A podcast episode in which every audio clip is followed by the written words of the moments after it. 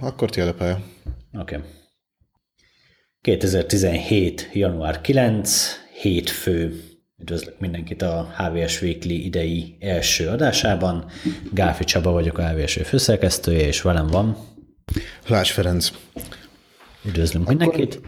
Csapjunk is a lovak közé.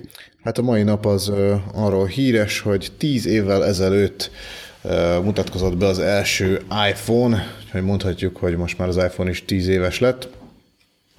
És hát akár honnan nézzük, ez egy jelentős nap, az, vagy hát a jelentős nap volt az okos telefonok történetében. Ugye sokan akadnak, akik nem kedvelik ezt a készüléket, valószínűleg még többen, akik igen. És hát ez is sokat elmond, hogy, hogy mekkora vitákat kavart, kavart ez az eszköz. Lényeg a lényeg, hogy 2007-ben mutatkozott be január 9-én a San Franciscoi Macworld konferencián az iPhone 2G ként elhíresült készülék. Ugye, Aminek az eredeti neve csak simán iPhone volt. Ha csak simán iPhone. Kettő is megkülönböztető, az utána kapta, azért, mert a következő meg 3G-s modult kapott. Igen, igen. És hát nem véletlen, mert ugye valószínűleg nem is volt különösebben büszke arra az Apple, hogy, hogy ez csak 2G mobil internetre volt képes ez az eszköz. Ez egyébként egyike volt a sok hátrányának az iPhone-nak, ugyanis bár nagyon-nagyon esztétikus és tetszetős csinos kis készülék volt ez a, főleg a maga idejében, ettől függetlenül sajnos elég sok mindent feláldoztak egy funkció terén a szépség oltárán Többek között ugye 2G képes volt csak a, a telefon, nem voltak rá appok, legalábbis harmadik feltől származó appok nem, ami egy, egy teljesen nonsens koncepció így az okos telefonok korában, még ha ennek a hajnaláról is van szó, illetve copy paste sem lehetett benne, tehát egy, egy egészen sok megkötés volt ekkor. Ennek ellenére hatalmas lelkesedés fogadta, legalábbis így első körben ezt a telefont, még hogyha nem is lett piacon olyan elképesztő nagy siker, de hát ugye a, a maga konferencián álló ovációval fogadták, illetve hát talán az egyik leg, legendásabb ilyen, ilyen technológiai kínót beszédként híresült el, ugye ez az iPhone bemutató Steve Jobs beszéde, és Hát ezután ugye a piaci rajt, ami a beszéd után egy jó fél évre volt egyébként csak, ez, ez nem volt olyan nagyon sikeres, miután iszonyatosan drágára sikerült ez az eszköz, 600 dollárért árult az AT&T, ráadásul két éves hűséggel, tehát hogy, hogy ez, ez egy egészen brutális, főleg a, akkor rivális okostelefonjaihoz képest egészen brutális ár volt. Igaz, hogy, hogy egy sokkal hogy is mondjam, felhasználó barátabb élményt nyújtott. Ugye ez, ez, ez volt az elsődleges pozitívum egyébként, amit pozitív kritikákat kapott a, a hiányosságai ellenére ez a kis készülék, de a legkiemelkedőbb pozitívum talán ez a, a felhasználóbarát működés volt, hogy egyszerűen megtalálta az ember a dolgát rajta a az akkori időknek a kvázi bonyolultnak tűnő ilyen is eszközeihez képest ez egy végtelenül letisztult és leegyszerűsített felületet kínált. Hát aztán hogy a felület különösen a, annak a UX vagy a UI designnak a, a letisztultságára, meg szépségéről aztán lehet majd vita, vitázni, meg hát bízom benne, fogunk is. De de lényeg a lényeg, hogy ez egy, akkor egy, egy tényleg egy ilyen szempontból áttörést jelentett, még hogyha ugye szószoros értelemben nem hozott újdonságot, tehát nem az első okos telefon, nem is az első érintőképernyős telefon, de az Apple-nek itt azért sikerült jól kombinálni a dolgokat. Ilyen ár mellett azonban ez, ez nem tudott siker lenni, egészen addig, amíg le nem vitték ezt az árat, és ugye ez a bűvös, a két év hűséggel 200 dolláros árkategória el nem jött, ezzel aztán hatalmasat tudott tarolni az iPhone. Egyébként a, az első ilyen tényleg sikeres az a második generáció lett az iPhone 3G, ami ugye nevéből is adódóan már 3G képes is volt. Ez már az első hétvégén egy millió, egy milliós darabszámmal tudta értékesíteni az Apple, ami azért egy elég szép teljesítmény volt és ezzel megkezdődött ez az új, illetve hát régi új, mára viszont elvetett design vagy formaterv ciklus, amikor is két egymás követő iPhone generációt láthattunk kijönni ugyanazzal a külsővel, vagy közel ugyanazzal a külsővel, és a rákövetkezőnél jött egy ilyen nagyobb váltás.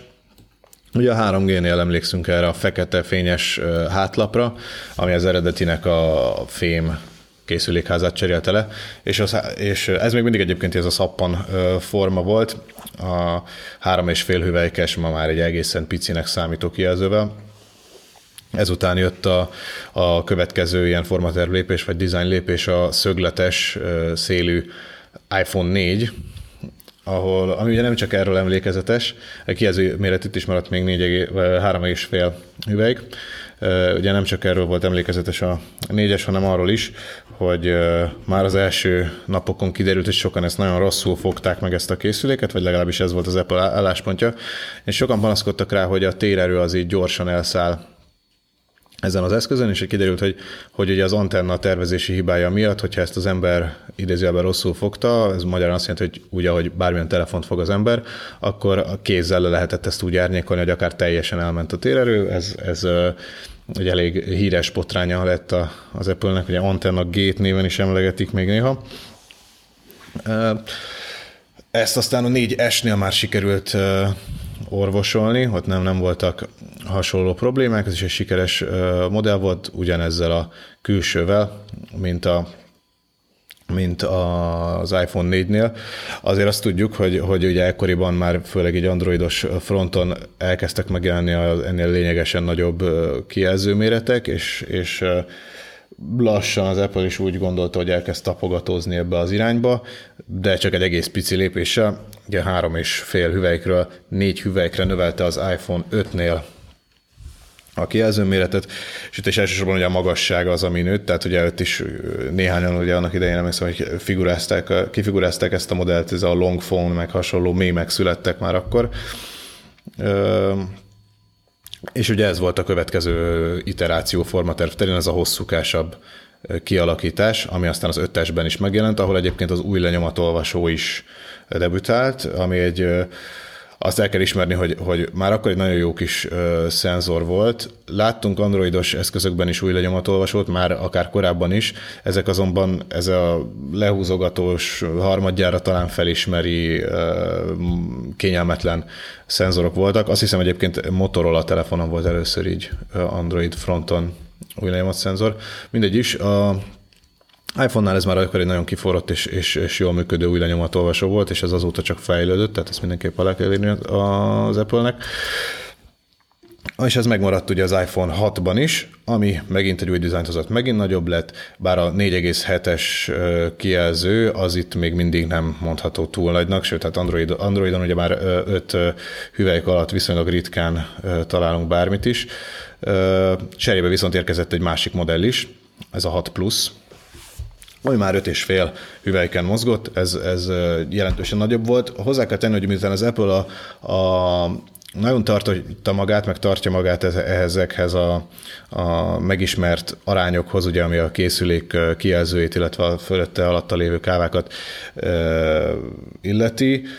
Ez egy elég ormótlan készülék lett a, a 6 Plus, illetve a 6S Plus is, ugyanis megmaradt ugyanez a dizájn, sőt a 7 Plus is, hiszen ennél a generációnál szakított az eddigi eddigi menetrenddel az Apple, és továbbra is megtartotta a harmadjára ugyanazt a dizájnt lényegében az iPhone 7-nél. Lényeg a lényeg, hogy ez egy kicsit, kicsit nagyobb telefon, mint amit mondjuk androidos fronton láthatunk ugyanekkor kijelző méret mellett.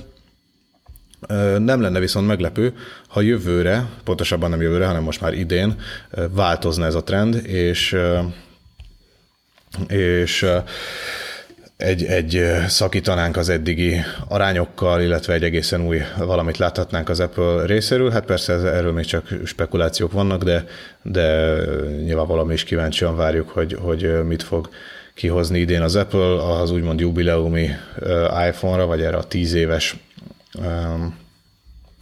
iPhone-ra, amit ugye hát én szem, személyesen az, azt tippelem, hogy ez nem iPhone 7-es lesz, vagy nem iPhone 8 lesz, hanem ez egy The New iPhone, vagy simán iPhone néven jelenik majd meg, és ezzel egy ilyen kvázi tabula ráza módon kezd a tiszta lappal az Apple. De hát voltak itt emlékezetes momentumai egyébként az iPhone történetének.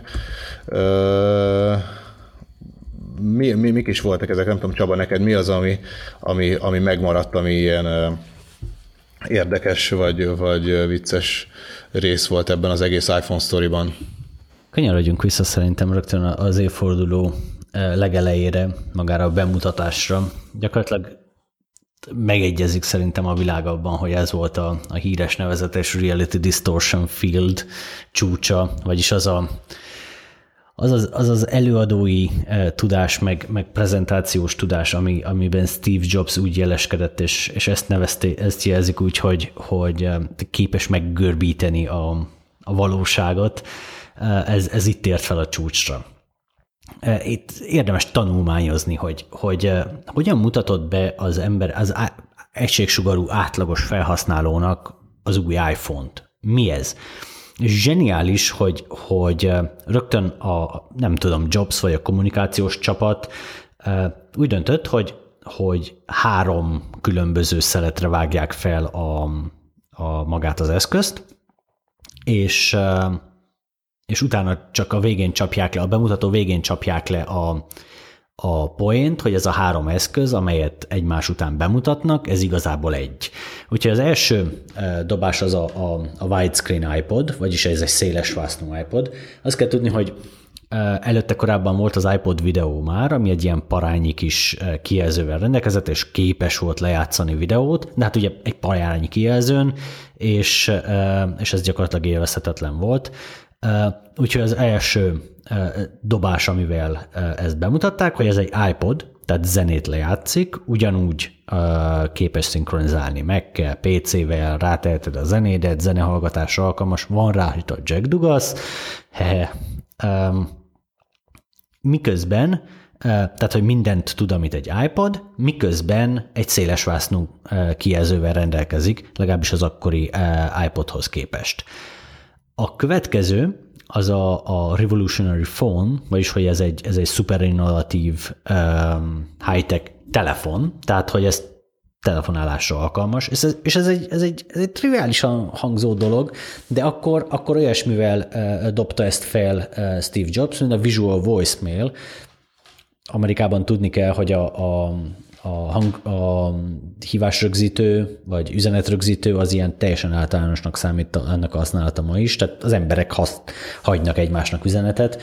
Ez Európában nálunk valamiért nem terjedt el soha. Na mindegy, e, például ez a, a, a vizuális üzenetrögzítő. Tehát, hogy szorosan együttműködve az akkori mobil szolgáltatóval, ugye akkor egy, egy e, exkluzívan indult az első iPhone, a Singular hálózatán, ezt vette meg később az AT&T, tehát, hogy a Singular AT&T együttműködött az Apple-lel abban, hogy készítettek egy appot, amiben az ember meg tudta nézni a mobil hálózat, a szolgáltatónál hagyott üzeneteket, és ezeket egyenként visszahallgathatta, törölgethette. Ez egy tehát nevetségesen hangzik, de 2007-ben ott tartottak az amerikai szolgáltatók, hogy ez egy, ez egy cutting edge fejlesztés volt, ez, ez maga volt a jövő, hogy nem egyenként tehát be kellett tárcsázni az üzenetrögzítő számát, és akkor visszahallgatni az üzeneteket, meg, meg a, robot, a robotot felhívva, meg azon keresztül törölgetni az üzeneteket, tehát hogy értelemszerűen ez a UX horror, és már az kiemelte ezt a, a, az eszközt a, a mezőnyből, hogy egy visual, tehát egy vizuális appos felületet biztosítottak ehhez. És ugye a harmadik az a, a Breakthrough Internet Device, vagyis hogy ez egy internetezésre alkalmas eszköz. És ugye ez a három elem, akkor úgy képzelte Steve Jobs és az Apple, hogy az emberek ezt norm ugyanúgy fogják internetezésre használni, mint a desktop eszközöket. Vagyis és ez kiemelt szerepet kapott akkor a bemutatóban, hogy, hogy nem kell hozzá mobil oldal, vagy ilyen WAP oldal, hanem képes megjeleníteni a teljesen standard HTML-t, úgy, hogy az egy élvezhető élmény biztosít. Ott vannak a szövegek, ahol lenniük kell, ott vannak a képek, ahol lenniük kell, nem csúszik össze, nem formázza újra, belezumolunk, kizumolunk belőle. Ez tényleg az igazi web. Az már más kérdés, hogy időközben azért usability szempontból csak rájöttek a webfejlesztők is, hogy érdemes külön mobil oldalt csinálni, ami a szűk kijelzőkre alkalmas, de tény, hogy az iPhone hozta el azt a böngészőt a mainstreambe, ami ezen a kis, ebben a kis méretben is az igazi webet képes megjeleníteni. Na most ugye a csavar a dologban, hogy mindezt úgy, hogy beépülők nélkül, tehát Flash. Ugye nincsen az iPhone-on, soha nem is volt, soha nem is lesz, és egy, nincs Java sem, tehát az összes olyan be, beépülő, ami 2007-ben is, meg külön, 2007-ben különösen, de, de talán még most is a, a, a webnek ezeket a kiterjesztett funkcióit biztosítja, azok nem voltak elérhetőek, ActiveX, stb. értelemszerűen, de magát a standard webet azt már akkor is támogatta. És érdekes, hogy a felsorolásból kimaradnak az appok, amelyek igazából a, az iPhone igazi e, rakéta sebességét adták. Ez csak később az iOS, vagy akkor még iPhone OS következő verziójával jelent meg, miután Rájött az Apple is, és rájöttek a fejlesztők is, hogy az eredeti elképzelés, hogy weboldalakat tűzünk ki, és egy ilyen webes appok lesznek majd az iPhone-on, az, az igazából nem egy, nem egy sikeres út, hanem kellenek az igazi natív appok. Ezt az Apple végül meglépte, és akkor azóta, azóta beszélgethetünk az iPhone óriási tündökléséről. Érdekes amúgy, hogy az Apple végig rettegett attól, hogy a fejlesztők tönkreteszik a, a, az iPhone üzemidejét, meg, meg nem tudnak gazdálkodni ezzel a kevés erőforrással. Ezért döntött akkor úgy az Apple, hogy ehhez nem adunk hozzáférést a fejlesztőknek, Végül aztán sikerült egy olyan kompromisszumot jutni, hogy az elején csak egy ilyen nagyon-nagyon-nagyon kis szeletéhez adtak hozzáférést az iPhone-nak, vagy fokozatosan egyre többet és egyre mélyebbet és egyre alacsonyabb szintűt lehetett programozni. De igen, tehát az első API készlet, amit megnyitottak az első körben a fejlesztők felé, amit akkor az alkalmazások tudtak, az, az uh, vizet se vihet annak, amit ma tudnak az alkalmazások. De ez a, ez a folyamatos nyitás, ez, ez végül is nem szabta gátját a, a, az iPhone-nak. Az egyik ilyen példa például ez a cut, uh, cut and paste, vagy copy paste, ami, ami uh, soknál, sokaknál kivérte a biztosítékot, hogy, hogy nincsen a, a, az iPhone-ban ilyen. Végül aztán lett, de annyira vissza volt butítva akkor ez a rendszer, hogy, hogy sikeresen tudjon futni ilyen, ilyen parányi uh, csipeken is, hogy, hogy ezt, ezt konkrétan nem fejlesztették bele. A másik dolog, amiről, amiről um, szerintem túl kevés szó esik, ez pedig a, a, az iPhone árazási modellje, vagy üzleti modellje. Ez nagyon érdekes, hogy az Apple az első perctől fogva uh, egy nagyon szoros kooperációra törekedett a, a szolgáltatókkal, és a kooperáció nagyrészt arra irányult, hogy az iPhone-os bevételből később is részesedjen a, a, az Apple. Ezt elsősorban az amerikai szolgáltatókon tudta a cég át, e, végigverni, Európában vagy, vagy Ázsiában tudtommal nem. E, de ez járult hozzá eh, például ahhoz, hogy, hogy elképesztően meg tudod gazdagodni a cég ezen az iPhone-on. A másik a, a konkrét ára, a végfelhasználói ára a telefonnak. Ugye első körben a, a 4 GB-os, illetve 8 GB-os verzió került piacra, és a, a 4 GB-os az 500 dollárnál, a 8-as meg 600 dollárnál kezdődött úgy, hogy ehhez még egy cirka 100 dolláros két éves szerződést is kellett kötni. És ez volt az, ami Steve Ballmernél is ugye emlékezetes módon kiverte a biztosítékot, hogy itt van egy iPhone, amihez nincsen egy mobilos e-mail kliens, tehát nincsen olyan e-mail kliens, mint ma a Gmail app, vagy az Outlook app. Van egy beépített mail kliens, de az, az nyilván egy kicsit másabb funkciókínálattal rendelkezik. Tehát, hogy nincs, nem, nincsen ez a fajta mail kliens, azok az enterprise funkciók, amik azóta már bekerültek, sőt réges régóta bekerültek, akkor nem voltak benne, és mindezt 600 dollárért kínálja a gyártó, hát valóban ez egy nevetséges ötlet. És erre az Apple is rábólintott, hogy hát ez valóban eléggé nevetséges gondolat volt, hogy ezt ennyire el tudjuk sózni, és a következő verzió, a, a 3G, az már valóban 200 dolláron kezdett, az, akkor már az AT&T-nél, 200 dollár volt a 8 gigás verzió, és 300 dollár volt a 16 gigás verzió. És azért főleg a, a, az amerikai egységsugarú felhasználó fejében az 5-600 dollár és a 2-300 dollár között pontosan akkora volt a különbség, amekkora Steve Ballmer nevetése és az iPhone igazi e, sikere közötti e, különbség.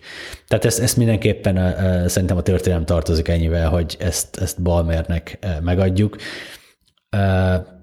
abban az eredeti verziójában az iPhone, ahogy akkor a színpadon mutatott, mutatták, annyiért, hát jó eséllyel nem lett volna sikeres. Ez most már nyilván kontrafaktuális, sosem tudjuk meg, hogy sikeres lett volna-e. Az Apple minden esetre úgy döntött, hogy szerintük se lenne sikeres, levitték az árat, és belefejlesztették ezeket a funkciókat.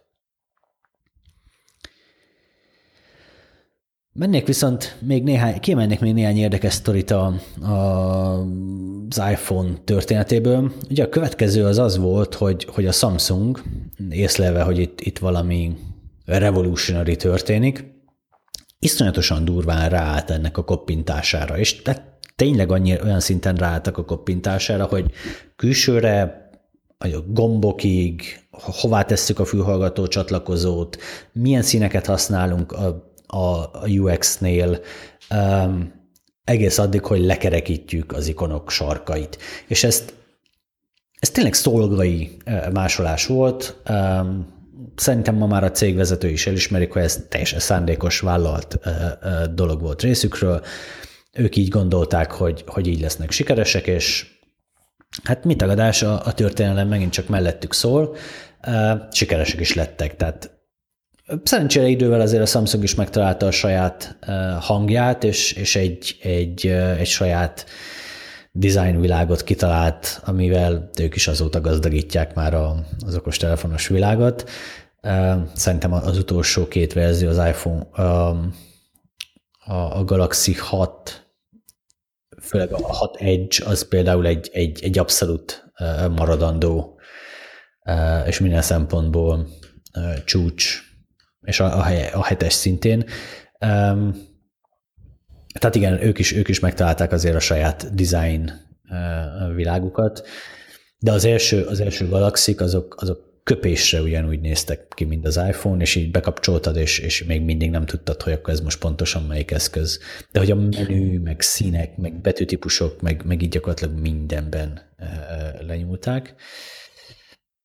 Hozzáteszem egyébként máig azért sokan merítenek az iPhone-ból, tehát hogy főleg így kicsit Kína felé tekintve, a mondjuk ilyen felhasználói felületeket megnézve, iOS üt vissza mindenhonnan, tehát így, így ugye rengeteg ilyen, ilyen kínai gyártók saját size szerint átalakított Android felületet láthatunk, ilyen UI-okat, és mindegyik, mindegyik ugyanazt a, az alkalmazás fiók nélküli lapozgatós alul egy ilyen rögzített ikonsorral rendelkező felületet adja, mint az iOS-től, amit megismerhetünk, és ö, sok helyen még ezek ugye az iOS-nek a képernyőn lehúzós keresési funkciója, meg az alulról felhúzható kis menü, ezek is előjönnek, tehát hogy, hogy ez máig nem sikerült a piacnak egy jelentős részén levetközni a, a, ezt az Apple-től nyúlogatós vagy inspirálódós irányvonalat. Abszolút így van. Egy dolgot még hozzátennék a történet végéhez, hogy az Apple iPhone sikerét azt nagyban, paradox módon nagyban befolyásolta az, hogy mennyire mélyről indult 2007-ből ez a, az okostelefonos világ. Az akkori akkor óriási technológiai különbség volt a, az általános vagy a, a standard okostelefonos chip és a standard desktopos chip között. Akkor már ugye Core 2 duós processzorok voltak piacon, abszolút cutting edge technológiánál tartottunk a PC-nél, amihez képest amúgy paradox módon a PC már nem tudott olyan nagyot előrelépni mostanáig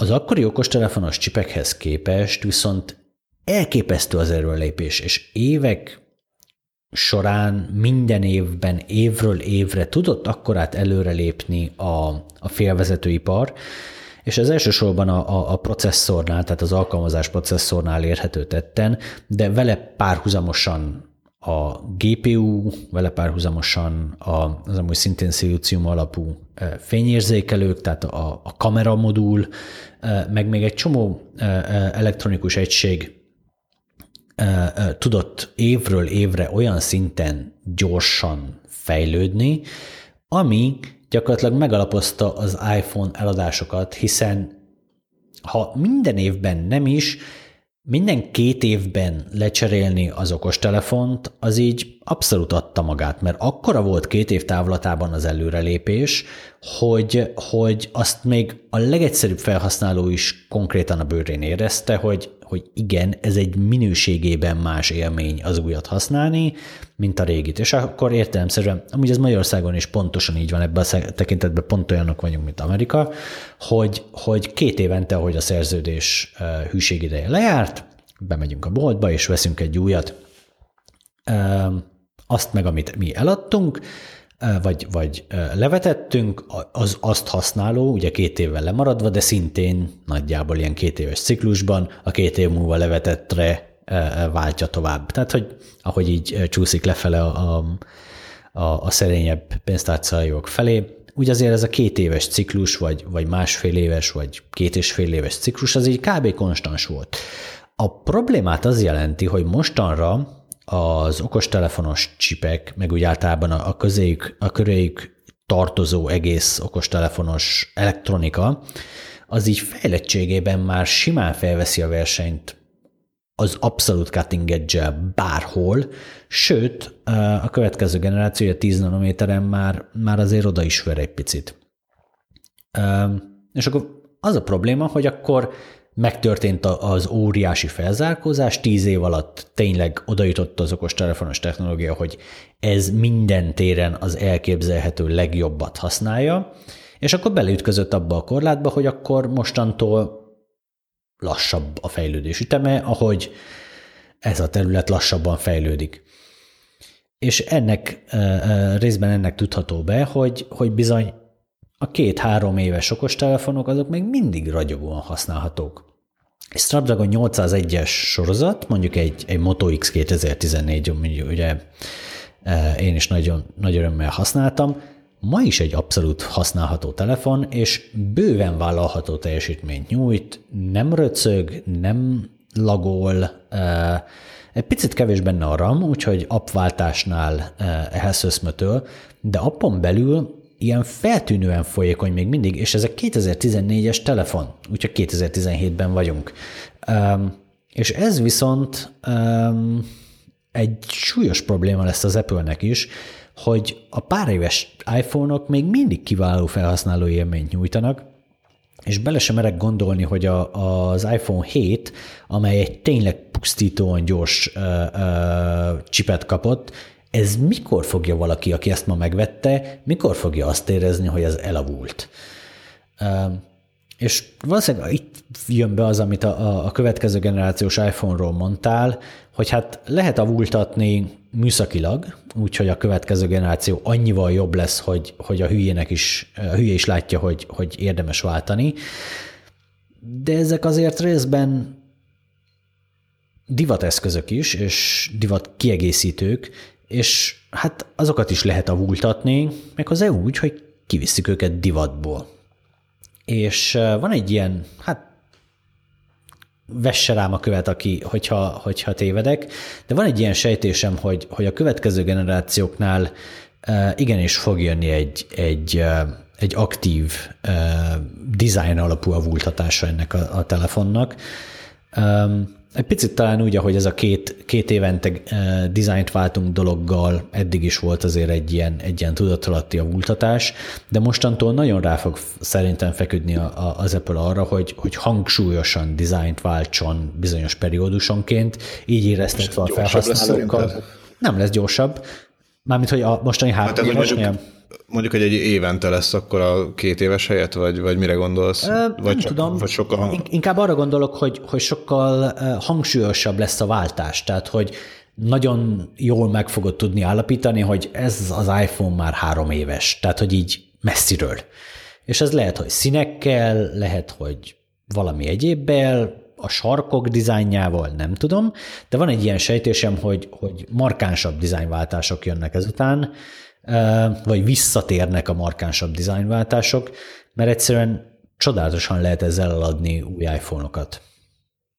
Hát vagy azzal is lehetne egyébként, hogy a visszafelé a szoftveres támogatást kicsit megszorongatják, és, és már nem, nem tartják ezt olyan kiterjedten, mint mondjuk most, mert tény, hogy most ugye teljesen jól használható, és elég jó támogatással rendelkeznek a régebbi modellek is. Ezzel vitatkoznénk, azért, mert ugye az Apple-nek bejelentett stratégiája, ezt a negyedéves elemzői konferenciájásokon Tim Cook vezérigazgató rendszeresen elmondja, hogy most már kimondott stratégia az, hogy ezt az óriási telepített bázist, ezt aktívan monetizálni. Tehát ha már ott vannak az iPhone-ok, az ember iPhone-ok, iPad-ek az emberek kezében, akkor őket rá kellene ven, valahogyan venni, hogy többet költsenek az Apple-nél. És nem csak úgy, hogy egyre több dongolt vesznek, bár ez is üzleti stratégia úgy tűnik mostanában.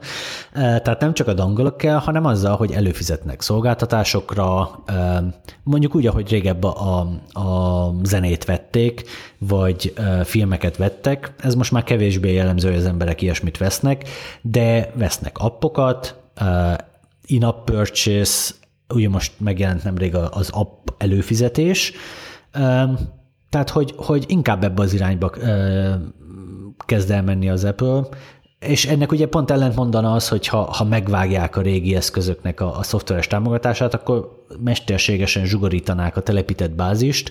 Ez meg ez meg ellent mondanak a stratégiának. Én inkább arra, abban hiszek, hogy, hogy a telepített bázis további monetizálása lesz a, a, az iránymutató inkább. Viszont akkor nem a saját felhasználóikat kell meggyőzniük arról, hogy, hogy a régebbi iPhone cseréljék újra, hanem épp az androidosokat arról, hogy, hogy az androidos eszköz cseréljék le iPhone-ra. Ott viszont nem biztos, hogy, hogy annyira radikálisan meg kell különböztetni akkor az új modelleket az előzőektől, hiszen ugye nem, nem az előző iPhone-ról akarnak egy újabb divatkiegészítőre váltani az androidosok. Igen, mondjuk ott is azért az imázsnak fontos része, hogy a legújabbra váltottál, és te meg akarod mutatni azt, hogy a legújabbra váltottál, és nem akarsz egy olyan, olyan dizájnt, amit mondjuk 2012-ben jelentett be az Apple. Ugye mondjuk egy, egy MacBook Air-nél ma már egy kicsit bizonyos köröknek legalábbis nasz lehet, hogy hát ez bizony évek óta használja ezt a dizájnt az Apple, és hát vannak ennél menőben kinéző eszközök, Valószínűleg egy ilyen hatása az okos telefonoknál is észlelhető lenne. Igen, egyébként ez, ez valószínű. Hát arra mindig, illetve mindenhol van piac, vagy arra van nagyobb igény, hogy, hogy mutassák kívülre a felhasználók, hogy, hogy, a, hogy a legújabb telefon van náluk, ha már ugye kidobtak rá egy kisebb vagyont, vagy hát nem feltétlenül kidobtak, kifizettek rá egy kisebb vagyont. Valahol itt húzhatjuk meg ugye a konklúzióját a, a tíz éves iPhone évfordulónak. Egy elég, elég látványos, hát az okostelefon piacán a leglátványosabb útját járta be ez a telefon az elmúlt évtizedben.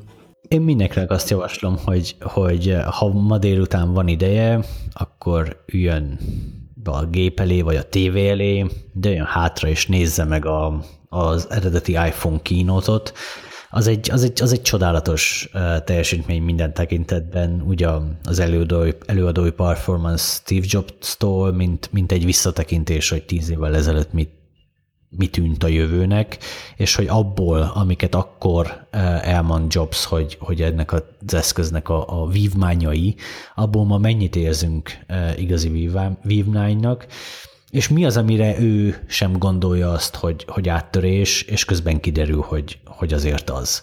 Szóval azt hiszem talán egy óra, másfél óra ez a videó. Érdemes, érdemes megnézni, uh, iszonyatosan tanulságos.